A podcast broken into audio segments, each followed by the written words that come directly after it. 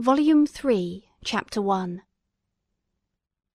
Day after day, week after week, passed away on my return to Geneva, and I could not collect the courage to recommence my work. I feared the vengeance of the disappointed fiend, yet I was unable to overcome my repugnance to the task which was enjoined me. I found that I could not compose a female without again devoting several months to profound study and laborious disquisition. I had heard of some discoveries having been made by an English philosopher, the knowledge of which was material to my success, and I sometimes thought of obtaining my father's consent to visit England for this purpose; but I clung to every pretence of delay, and could not resolve to interrupt my returning tranquillity. My health, which had hitherto declined, was now very much restored and my spirits, when unchecked by the memory of my unhappy promise, rose proportionably. My father saw this change with pleasure, and he turned his thoughts towards the best method of eradicating the remains of my melancholy, which every now and then would return by fits, and with a devouring blackness overcast the approaching sunshine. At these moments I took refuge in the most perfect solitude, I passed whole days on the lake alone in a little boat, watching the clouds and listening to the rippling of the waves, silent and listless. But the fresh air and bright sun seldom failed to restore me to some degree of composure, and, on my return, I met the salutations of my friends with a readier smile and a more cheerful heart. It was after my return from one of these rambles that my father, calling me aside, thus addressed me: "I am happy to remark, my dear son, that you have resumed your former pleasures, and seem to be returning to yourself. And yet you are still unhappy, and still avoid our society. For some time I was lost in conjecture as to the cause of this, but yesterday an idea struck me, and, if it is well founded, I conjure you to avow it. Reserve on such a point would not only be useless, but draw down treble misery on us all." I trembled violently at this exordium, and my father continued: "I confess, my son, that I have always looked forward to your marriage with your cousin as the tie of our domestic comfort and the stay of my declining years. You were attached to each other from your earliest infancy, you studied together and appeared in dispositions and tastes entirely suited to one another. But so blind is the experience of man, that what I conceived to be the best assistance to my plan may have entirely destroyed it. You, perhaps, regard her as your sister, without any wish that she might become your wife. Nay, you may have met with another whom you may love, and, considering yourself as bound in honour to your cousin, this struggle may occasion the poignant misery which you appear to feel. My dear father, reassure yourself, I love my cousin tenderly and sincerely. I never saw any woman who excited, as Elizabeth does, my warmest admiration and affection. My future hopes and prospects are entirely bound up in the expectation of our union.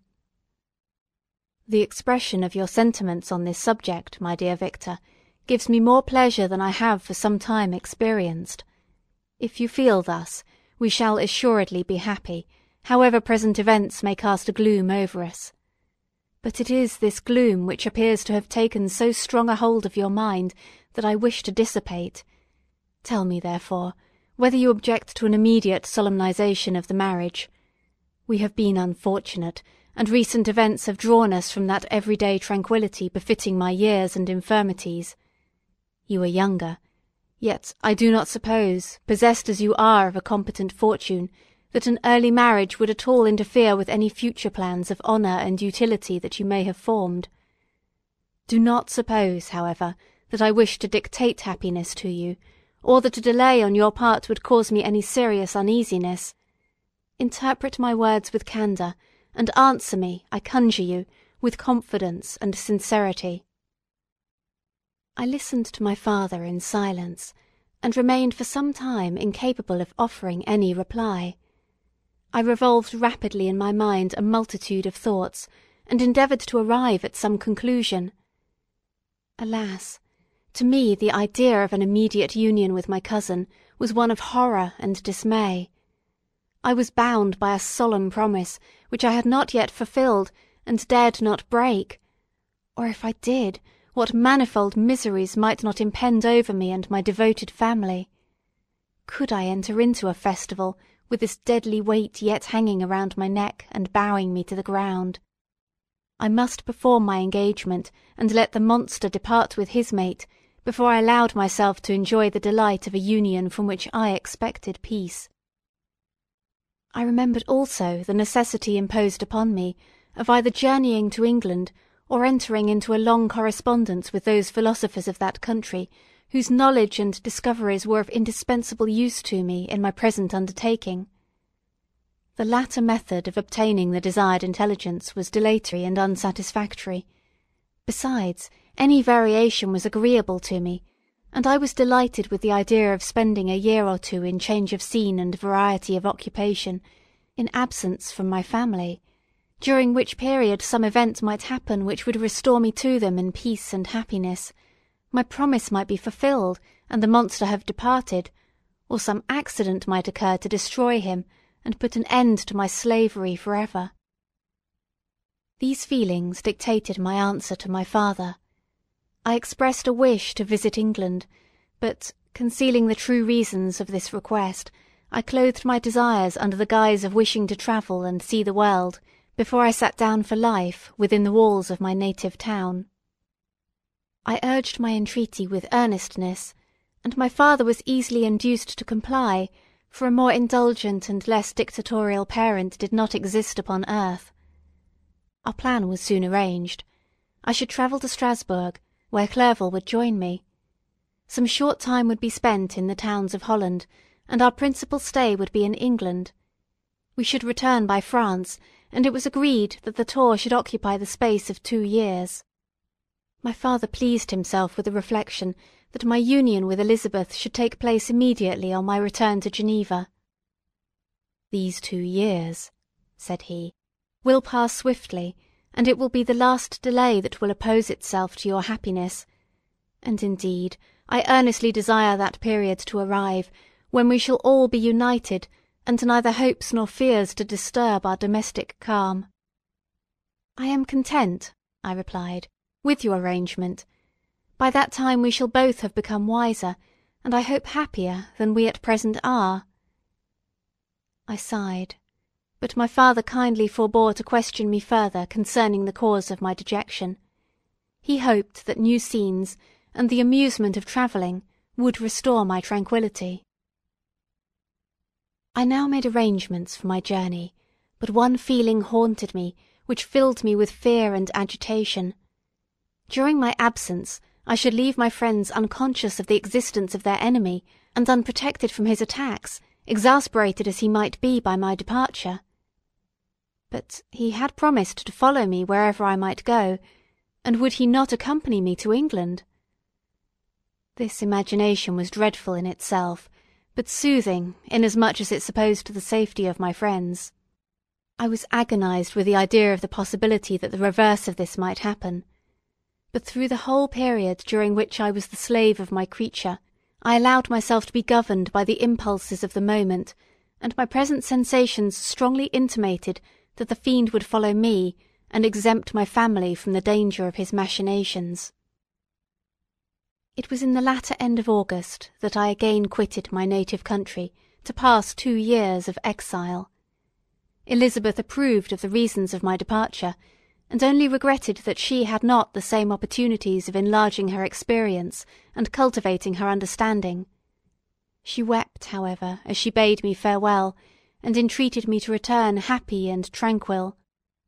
"We all," said she, "depend upon you, and if you are miserable, what must be our feelings?" I threw myself into the carriage that was to convey me away, hardly knowing whither I was going, and careless of what was passing around. I remembered only, and it was with a bitter anguish that I reflected on it, to order that my chemical instruments should be packed to go with me for I resolved to fulfil my promise while abroad, and return, if possible, a free man. Filled with dreary imaginations, I passed through many beautiful and majestic scenes, but my eyes were fixed and unobserving. I could only think of the bourne of my travels, and the work which was to occupy me whilst they endured. After some days spent in listless indolence, during which I traversed many leagues, I arrived at Strasbourg, where I waited two days for Clerval. He came. Alas, how great was the contrast between us! He was alive to every new scene, joyful when he saw the beauties of the setting sun, and more happy when he beheld it rise and recommence a new day. He pointed out to me the shifting colours of the landscape and the appearances of the sky. This is what it is to live, he cried. Now I enjoy existence. But you, Frankenstein, wherefore are you desponding and sorrowful? In truth, I was occupied by gloomy thoughts, and neither saw the descent of the evening star, nor the golden sunrise reflected in the Rhine. And you, my friend, would be far more amused with the journal of Clerval, who observed the scenery with an eye of feeling and delight, than to listen to my reflections. I, a miserable wretch, haunted by a curse that shut up every avenue to enjoyment. We had agreed to descend the Rhine in a boat from Strasbourg to Rotterdam, whence we might take shipping for London. During this voyage we passed many willowy islands and saw several beautiful towns. We stayed a day at Mannheim, and on the fifth from our departure from Strasbourg arrived at Mayence. The course of the Rhine below Mayence becomes much more picturesque. The river descends rapidly and winds between hills, not high, but steep and of beautiful forms. We saw many ruined castles standing on the edges of precipices, surrounded by black woods, high and inaccessible. This part of the Rhine, indeed, presents a singularly variegated landscape. In one spot you view rugged hills ruined castles overlooking tremendous precipices, with the dark Rhine rushing beneath, and on the sudden turn of a promontory, flourishing vineyards, with green sloping banks and a meandering river and populous towns occupy the scene. We travelled at the time of the vintage, and heard the song of the labourers as we glided down the stream. Even I, depressed in mind, and my spirits continually agitated by gloomy feelings, even I was pleased. I lay at the bottom of the boat, and as I gazed on the cloudless blue sky, I seemed to drink in a tranquillity to which I had long been a stranger. And if these were my sensations, who can describe those of Henry? He felt as if he had been transported to fairyland, and enjoyed a happiness seldom tasted by man. I have seen, he said, the most beautiful scenes of my own country, I have visited the lakes of Lucerne and Uri, where the snowy mountains descend almost perpendicularly to the water, casting black and impenetrable shades, which would cause a gloomy and mournful appearance, were it not for the most verdant islands that relieve the eye by their gay appearance.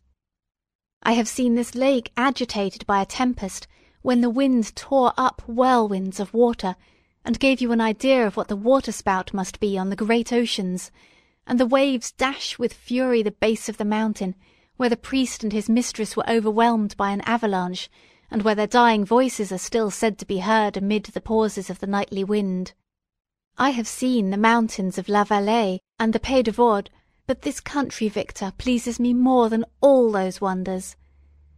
The mountains of Switzerland are more majestic and strange, but there is a charm in the banks of this divine river that I never before saw equalled. Look at that castle which overhangs yon precipice, and that also on the island, almost concealed amongst the foliage of those lovely trees, and now that group of labourers coming home from among their vines, and that village half hid in the recess of the mountain. Oh, surely, the spirit that inhabits and guards this place has a soul more in harmony with man than those who pile a glacier or retire to the inaccessible peaks of the mountains of our own country. Clerval, beloved friend, even now it delights me to record your words, and to dwell on the praise of which were so eminently deserving. He was a being formed in the very poetry of nature. His wild and enthusiastic imagination was chastened by the sensibility of his heart.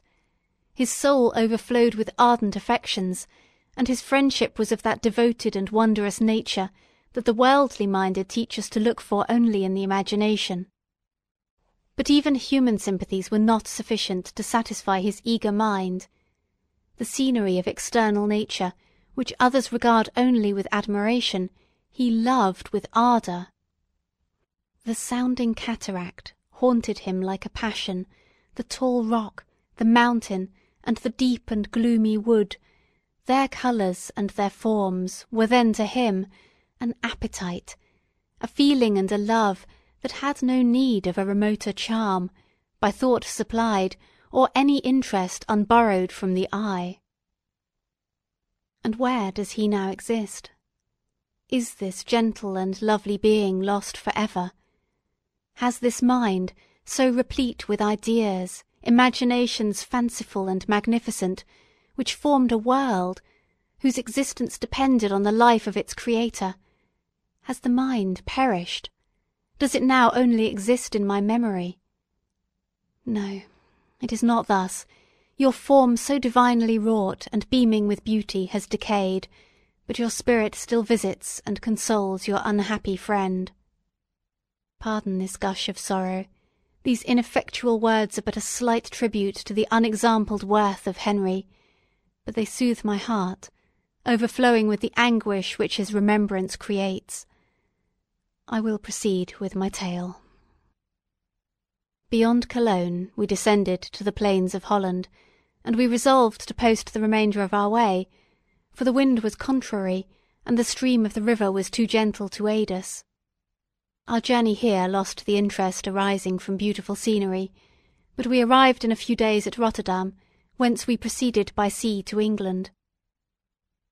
It was on a clear morning, in the latter days of October, that I first saw the white cliffs of Britain.